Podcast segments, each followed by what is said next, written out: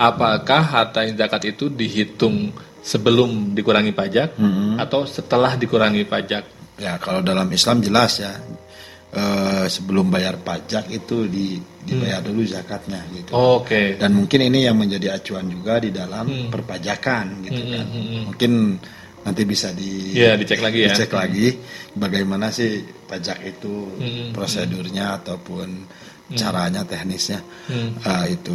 Yang karena kena- kenapa? Karena ketika ada harta yang sudah wajib dijakati itu Hmm. langsung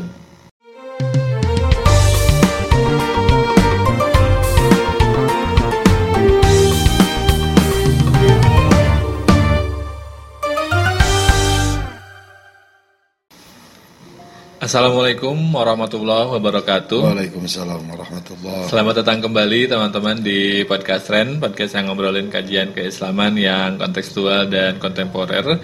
Dan sore ini sambil menemani teman-teman menunggu waktu berbuka, kita akan ngobrolin lagi soal zakat sebagaimana yang saya janjikan di episode sebelumnya. Dan tentu saja eh, saya tidak sendiri, saya ditemani oleh Ustadz Aceng Abdul Qadir. Assalamualaikum Ustadz. Ya, kita alhamdulillah sudah masuk di minggu oh, sorry di 10 hari kedua bulan Ramadan Ustaz.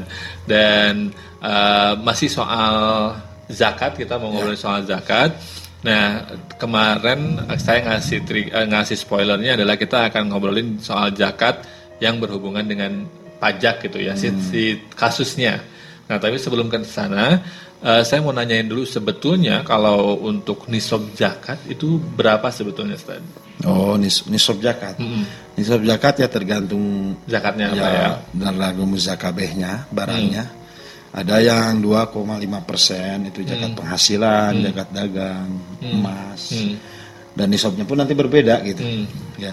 Eh, kemudian ada yang eh nisab ini yang rikaz. Rikaz itu 20 persen. Hmm. Itu lebih besar. Ada juga nisab eh pertanian gitu ya. 5 atau 10%. itu. Jadi beda-beda gitu. Hmm. Kalau pajak mungkin beda lagi ya, beda Hmm. lagi.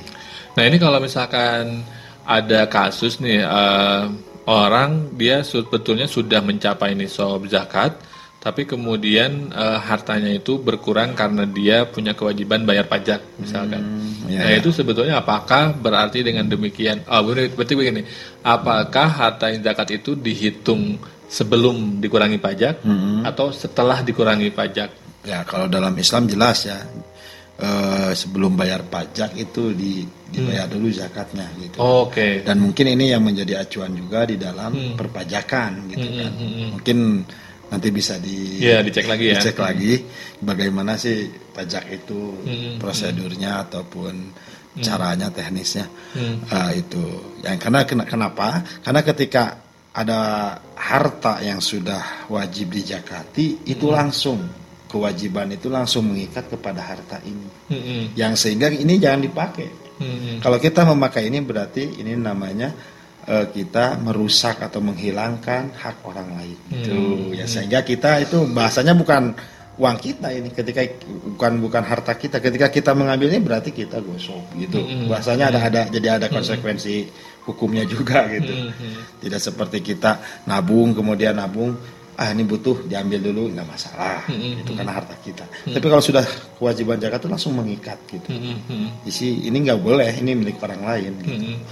Jadi berarti istilahnya yang dihitungnya adalah sebelum pajak berarti ya, Ya, kemudian kita harusnya. dihitungnya sama. ya Hmm. insya Allah saya husnudon seperti itu Hmm. untuk pajakan dan yang kedua yang wajib bayar pajak kan ada batasan minimalnya kan Betul betul. kalau kita lihat itu meskipun sudah dikurangi pajak itu sudah masih nisab gitu Hmm. Karena sebetulnya kewajiban untuk pajak juga angkanya jauh lebih tinggi Lebih daripada tinggi, nisab jelas, zakat. gitu jelas ya. jelas Betul. nisab zakat Ya. itu masih di bawah Setuju, betul. nisab pajak Eh, nisab zakat ah, ketentuan batasan pajak jelas lah kalau kayak warung-warung biasa itu mungkin belum kan Betul gitu. betul. gitu Ya berarti ini kalau nah ini juga juga menarik nih kadang-kadang em, saya mendengar gitu ya orang kayak oh saya nggak mau bayar pajak gitu ya Oh. saya karena saya ngeluarin zakat rutin gitu. Iya, iya, iya. Kalau secara prinsip tujuan kan sebetulnya ada kesamaan antara Ya, zakat dan pajak, pajak, gitu. ya. Tujuannya adalah agar ya untuk pembangunan infrastruktur umum Ya, gitu ya melalui kemaslahatan umum. kemaslahatan umat Ya, lah ya istilahnya. ya. Nah, walaupun mungkin eh, asnapnya kalau pajak kan nggak ada asnapnya nih. nggak ada. Kalau pajak eh, kalau zakat kan ada. Ya. Nah, kalau pandangan Ustadz sendiri bagi orang-orang yang kayak oh saya nggak mau bayar pajak karena Oh. saya bayar zakat itu gimana Ustaz? Ya, itu terlalu apa ya kalau bahasanya Irfan itu apa gitu. Naib apa-apa. Kalau naib. Naib apa apatis gitu ya. Iya, iya, iya. Ya, terlalu gitulah ya. Hmm, Jadi itu seperti ibadah itu sebagai apa namanya? Ibadah itu dijadikan sebagai Pembenaran untuk pembenaran. mau ini ya. Nah, padahal membayar pajak itu termasuk ya Allah wa Rasul wa ulil amri minkum. Hmm, iya. Adapun nanti ada kesalahan dalam pengelolaannya, ada oknum-oknum itu urusan orang lain. Di luar tanggung jawab di luar kita. dari tanggung jawab kita. Yang jelas kita taat pemerintah berarti ya taat pajak gitu. Hmm, hmm. Dan jelas kan maslahat juga gitu. Betul, kan. betul. Cuman kan bedanya zakat dengan pajak jelas gitu ya. Kalau zakat tuh wajib gitu, secara langsung dari agama gitu. Tapi kalau pajak itu kebijakan pemerintah yang Hmm. Akhirnya mengikat juga Pan. mengikat Akhirnya juga kan. gitu kan. Tapi tidak secara langsung. Dan yang kedua yang bedanya itu hartanya. Hmm. Kalau zakat tertentu ya. Hmm. Kalau pajak mungkin ya dalam artian tanda kutip yang menurut agama Islam perusahaan tidak boleh gitu. Hmm. Tetap harus bayar pajak, Pajak, kan. ya. Tapi kalau zakat kan harus yang halal Betul, dalam artian yang baik-baik hartanya baru dijakati gitu kan. Hmm, Itu mungkin perbedaan yang secara hartanya. Hmm. Jadi mungkin kalau eh, sebaiknya karena dua-duanya ujungnya adalah kemaslahatan umat, kalau zakat melaksanakan Sejahtera. perintah langsung yang Ya. kemudian juga merupakan bagian dari rukun Islam, tapi kalau pajak dilihatnya dari ketaatan terhadap pemerintah di mana tempat di mana tempat eh tempat di mana kita tinggal gitu. Jadi sebaiknya memang dilaksanakan kedua-duanya Ya. gitu ya. Ini tambahan satu lagi Ya, ya. hmm, boleh. Eh, untuk masalah zakat sebenarnya itu yang meng, ya kalau memang sudah masuk ke apa instansi pemerintah ya kayak Basnas itu nanti penyalurannya tidak harus berupa ap- eh, barang yang dizakatkan misal beras.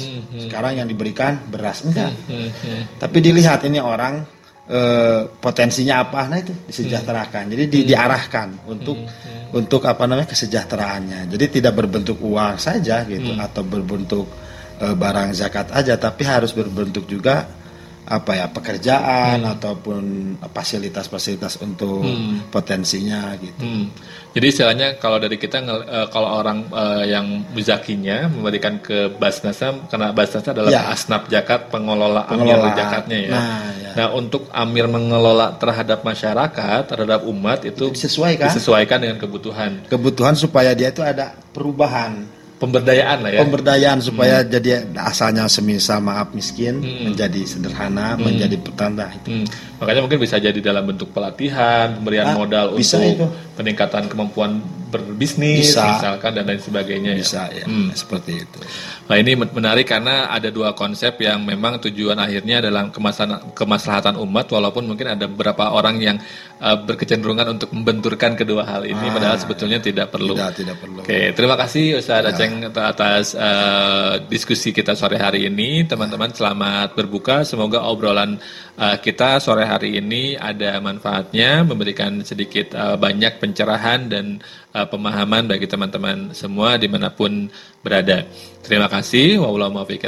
Wassalamualaikum warahmatullahi wabarakatuh. Waalaikumsalam